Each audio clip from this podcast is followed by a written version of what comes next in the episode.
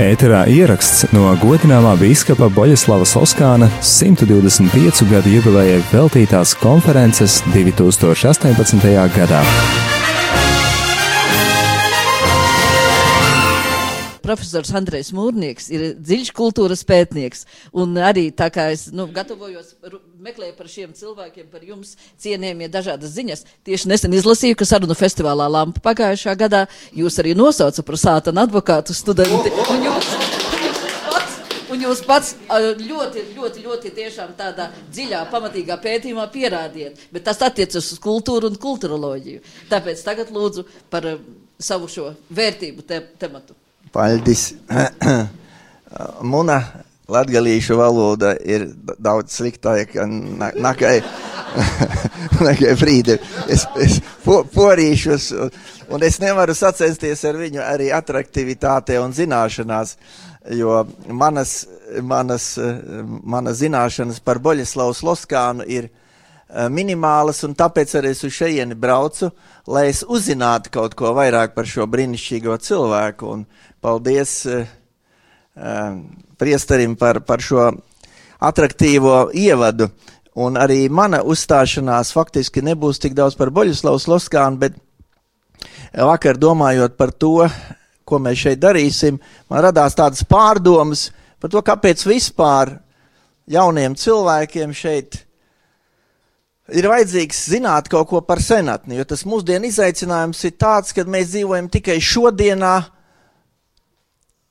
mēs pat vairs nerunājam par attīstību nākotnē, bet tas interesantākais un raksturīgākais vārds, kas ir eh, visu mutēs, ir pārmaiņas. Tu, tu esi par pārmaiņām, viss kārtībā. Pārmaiņas izglītībā, pārmaiņas darbā. Agrāk runāja par progresu un attīstību. Tur, protams, arī notiek kaut kāda maiņa, bet tai maiņai ir kaut kāds mērķis un izaugsme. Bet pārmaiņas var būt ļoti dažādas. Var, var iet par īņķi, ja, kā jūs saprotat, var kāpties atpakaļ, tās arī būs pārmaiņas, var regresēt. Pārmaiņas būs. Ja. Jautājums, vai būs attīstība. Citiem vārdiem sakot, domājot tikai par šodienu, mēs pazaudējam ne tikai pagātni, bet arī nākotni.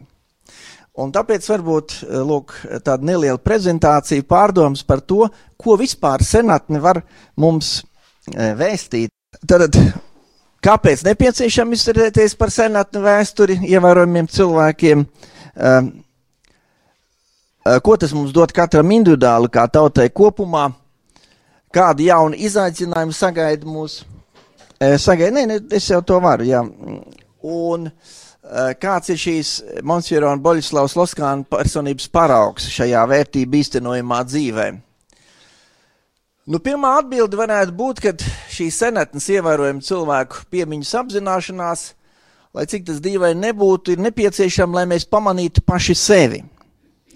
Paši sevi, paskatītos uz sevi no malas, no citas skatu punkta, no cita laikmeta pozīcijām un apzinātos to, kas mūs atšķir no citiem, ko mēs esam ieguvuši, varbūt ko zaudējuši. Un tas nevienmēr ir patīkami, jo šie pagātnes dižgari viņu piemērs bieži vien izgaismo mūsu nevarību, mūsu slinkumu, remdenību, mīkšķaulību, tukšību.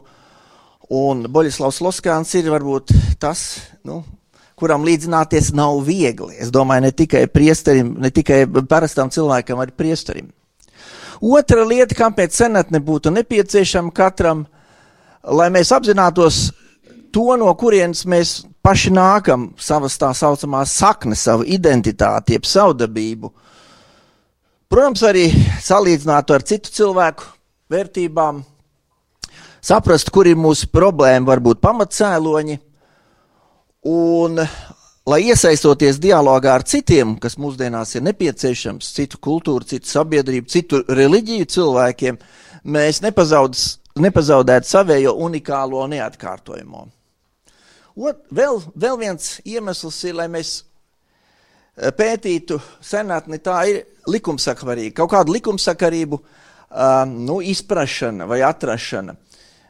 Kāpēc, piemēram, atsevišķas sabiedrības attīstās, citas stagnē, bet studējot kultūras vēsturi, mēs redzam, mēs esam milzīgas kapsētas priekšā, jo daudz no senatnes kultūrām ir vienkārši pazuduši. Kur ir senie grieķi, kur ir senie romieši, heti, feniķieši? Viņi vienkārši nav. Šīs sabiedrības ir aizgājušas bojā. Kas ir nepieciešams mums, lai izdzīvotu? Un kas galu galā palīdz šajos grūtajos brīžos, kur smelt spēkus gan individuāli, gan mums kā tautai? Vēl kāpēc ir nepieciešama senatne? Protams, kā jau te teica, lai mācītos un iedvesmotos, mācītos no kļūdām un iedvesmotos no šiem izcilajiem piemēriem, no cilvēkiem, kas ir bijuši pirms mums. Kā rīkoties izsūtījumā, kā iz, rīkoties vajāšanās un kā justies trimdā, kur smelt spēku. Es saprotu, ka Boļislavs Loskāns šajos uh, cietuma brīžos un, un mocībās, jā, tad, tad spēku atrada, protams, dievā. Uh, lūk, šo te kluso varoņu piemērs, protams, mūs arī iedvesmo. Un tas varētu būt arī, šī, šī personība varētu būt kā tāds spilgs apliecinājums uh, ne tikai garīdznieki, bet jebkura cilvēka ciešanām šajā okupācijas režīmā. Uh, nu, tas varētu būt mums kā skolotājiem. Es pieņemu, ka jūsu vidū varbūt ir arī skolotāji. Es tāds diezgan ilgu laiku biju, un bieži vien ir ļoti grūti ar, ar varoņu izvēli. Saprotiet, mēs labi zinām negatīvos varoņus. Jā, es esmu saviem studentiem izdarījis aptauju, ko jūs zinat par 20. gadsimta ievērojamām personām. Stāļinu, Hitleru, Maudzedunu pazīst visi. Jā, jā, tie ir masu slepkavas. Bet vai kāds zina ārpus reliģiskajām aprindām Kalkutas Terēzi, Maksimiliānu Kolbi, um, tur um, Mahatmu Gandiju, uh, Mārtiņu Lutheru Kingu? Nu, ļoti reti, ļoti reti. Tātad pozitīvais varonis. Un visbeidzot, kāpēc ir sanetne? Acīm redzot, tādēļ, lai mēs varētu pieskarties mūžīgajam, jeb transcendentajam. Tam nepārējošajam, kas saista visas, visu cilvēci, jeb vispār cilvēciskajam, tos, mums ir iespēja apzināties tos saskarsmes punktus, kas faktiski palīdz, palīdz arī nu, dot pamatu attīstīties, izdarīt kaut kādas jaunas uh, idejas, attīstīt un um, radīt kaut ko jaunu vai pārinterpretēt seno.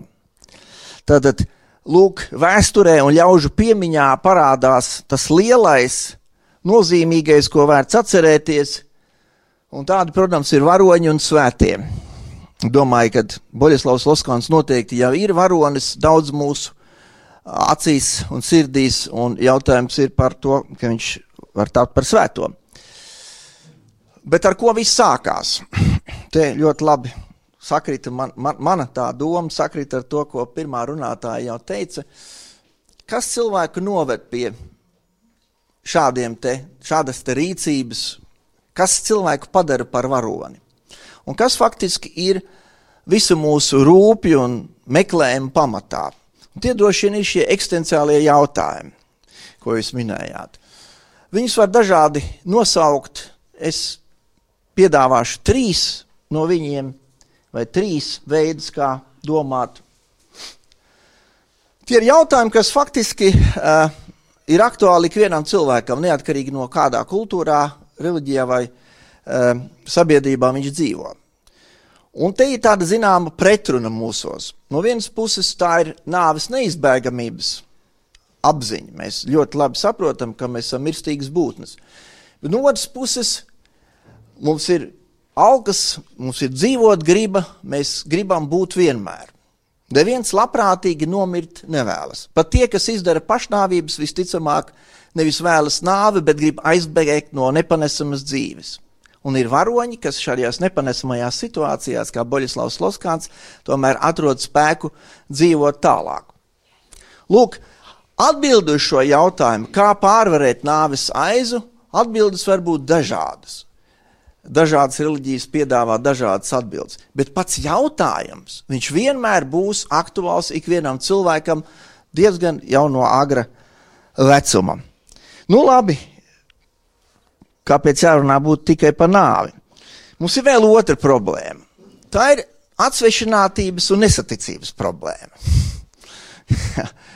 Latvijas latvietim latvietis dažkārt ir tāds teiciens, pārfrazējot no homo homini lupus est. Ja? Lūk, uh, no vienas puses liekas, ka kas būtu visvienkāršākais, tas draudzēties savā starpā, mīlēt citam citu, bet mēs saprotam, ka mums šeit visiem ir problēmas. Mēs nemīlam, mūs nemīl, mēs melojam, mums melo, mēs krāpjam, mūs krāpj. Šeit ir katram, katram ir kaut kāda problēma. Ja? Un, uh, Bet no otras puses mēs augstam pēc saskaņas un vienotības. Nu, ne, ne par velti divas lielākās mūsu partijas, priekšvēlēšana laiks, ja, nes šos, šos nosaukumus - saskaņa un vienotība. Kāpēc? Nu, tieši tāpēc, ka saskaņas un vienotības trūkst mums un it sevišķi viņiem pašiem. Jo, kā jūs saprotat, tur nekāda saskaņas nav un nekādas vienotības tur šķeļās un dalās. Bet tie nosaukumi ir pareizi uztverti, jā, jo tas tiešām ir tas, kas cilvēkam ir um, vajadzīgs un kur visiem mēs, mums ir problēmas. Nu labi, bet jā, tiešām mēs atradīsim tādu kolektīvu, draudzi, darba kolektīvu, kurā tiešām būtu šī ideālā saskaņa un vienotība, tad droši vien katrs no mums saprot, ka līdz ko šajā brīnišķīgajā kompānijā ienākšu es. Tad, protams, tā vairs nebūs. Jā. Jo, protams, tā galvenā problēma jau ir manī, nevis viņos. Un tas ir tas, tā iekšējā sašķeltība vai disharmonija, neapmierinātība ar sevi, uh, nu, kur mēs piedzīvojam savā dzīvē, un kas ir viss varbūt problēma pamatā. Un otrs puses izteiktas algas pēc harmonijas, piekšējas sakārtotības, pilnības. Lūk, un mēs esam lūk, šīs problēmas gūstekņi. Un, protams, ticīgs cilvēks teiks, nu jā, atbildi ir skaidra. Mūs, mums, mums, mums ir ļoti liela problēma, ir runa par grēku, iedzimto grēku. Ir citas filozofijas sistēmas, citas kultūras, kas piedāvās citas atbildes. Ja? Tev problēma aiziet pie psihoterapeita, un droši vien tev netaisnīgi nopēra kāds bērnībā, un līdz tāpēc tu tagad pa daudz pārdzīvo šo problēmu. Ja?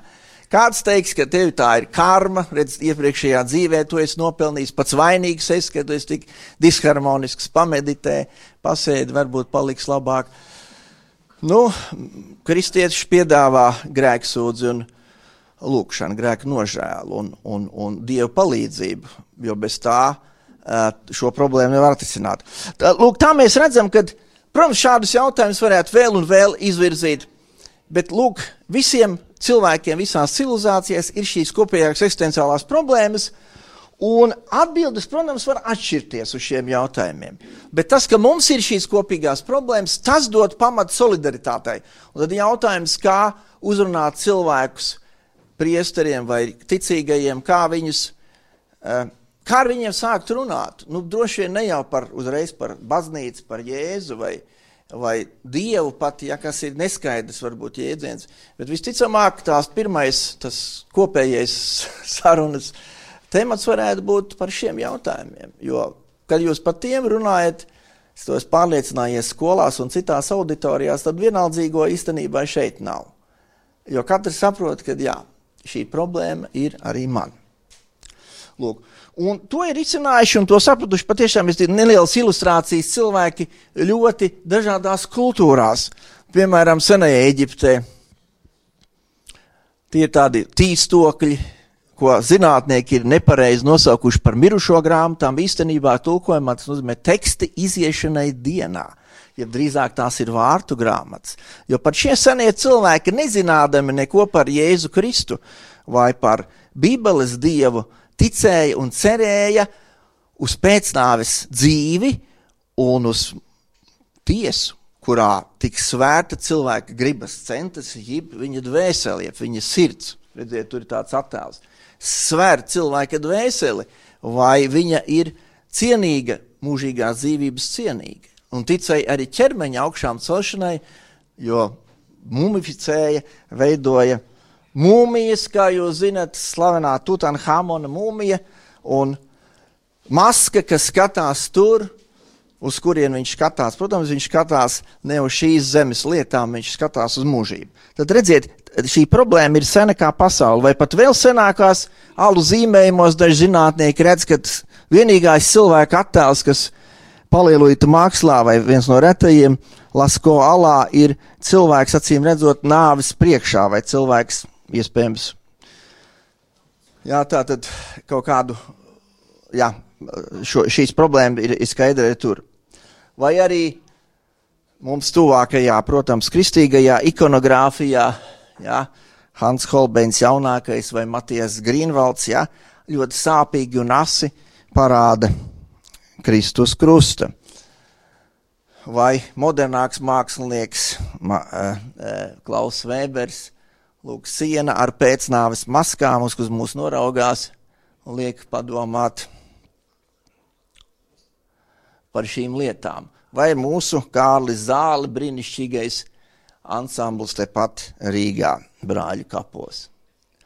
Nu, lūk, uh, tā tad atbildes uz šiem lielajiem dzīves jautājumiem tad arī noved pie noteiktām vērtībām, vērtību sistēmām, kas ir katras kultūras, reliģijas un civilizācijas pamatā. Un lielās personības šīs atbildes faktiski iemieso vai apliecina ar savu dzīvi, ciešanām un daļradi.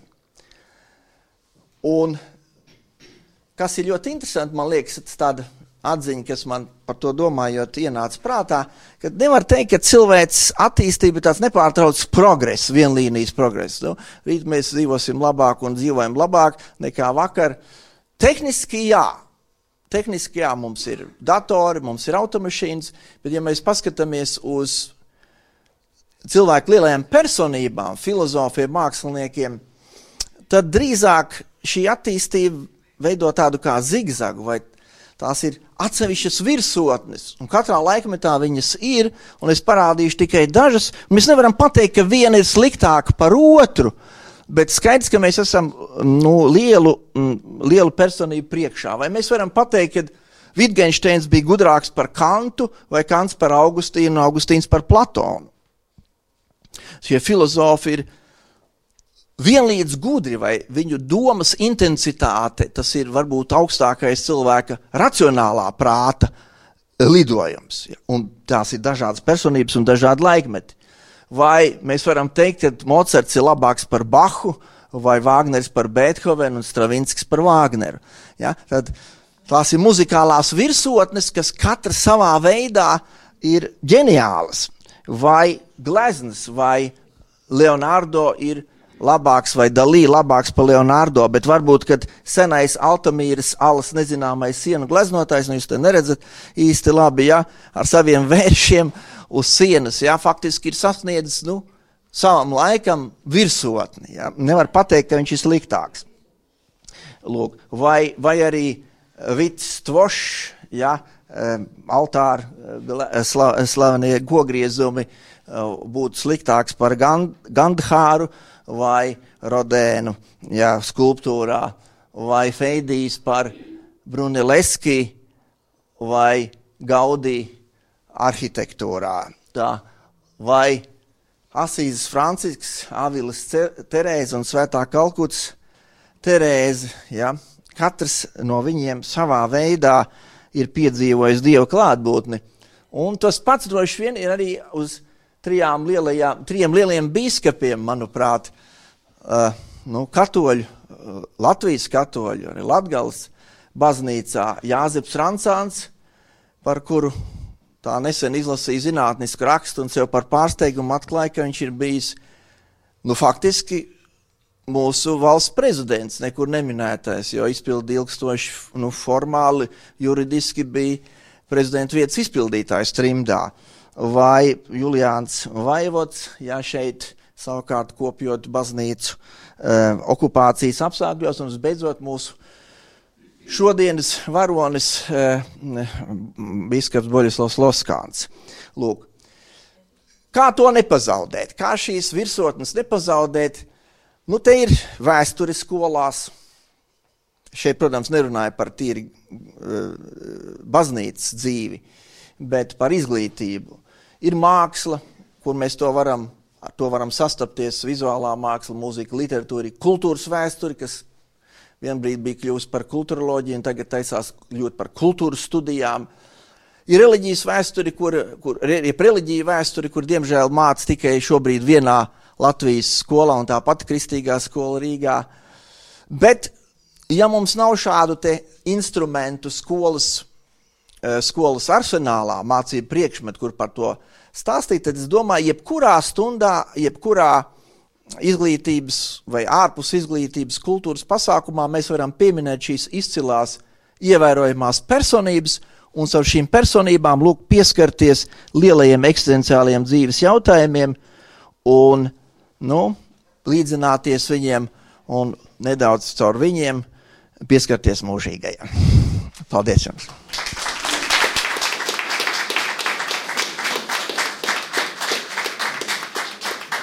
Cienījamais mūrnieka kungs, e, man viens jautājums.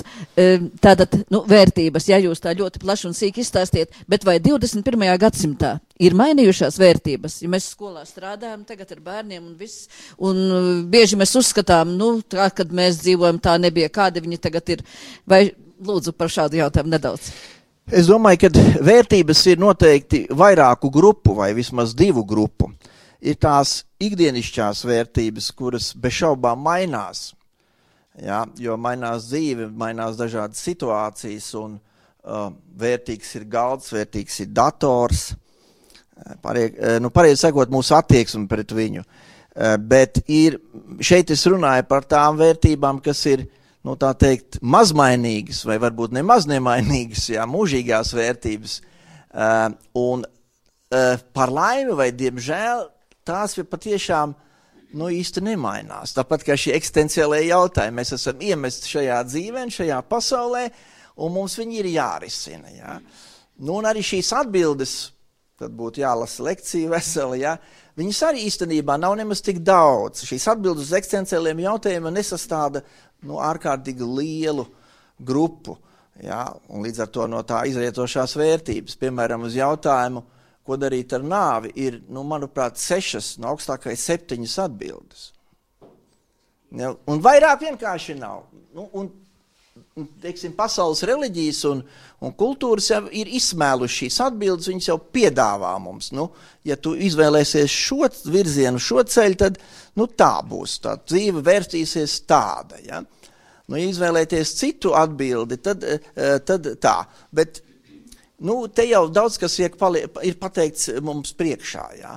Mums vienkārši šīs vērtības ir jāizdzīvo, jāspēj viņas īstenot. Jā. Un te tas Boļislavs Laskāna piemērs ir fascinējošs un brīnišķīgs. Nu, tā var būt.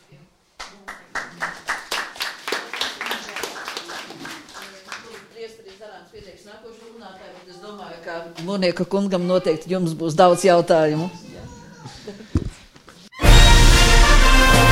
Izskanēja ieraksts no godināmā biskupa Poļaslavas Loskāna 125 gadu jubilejai veltītās konferences 2018. gadā.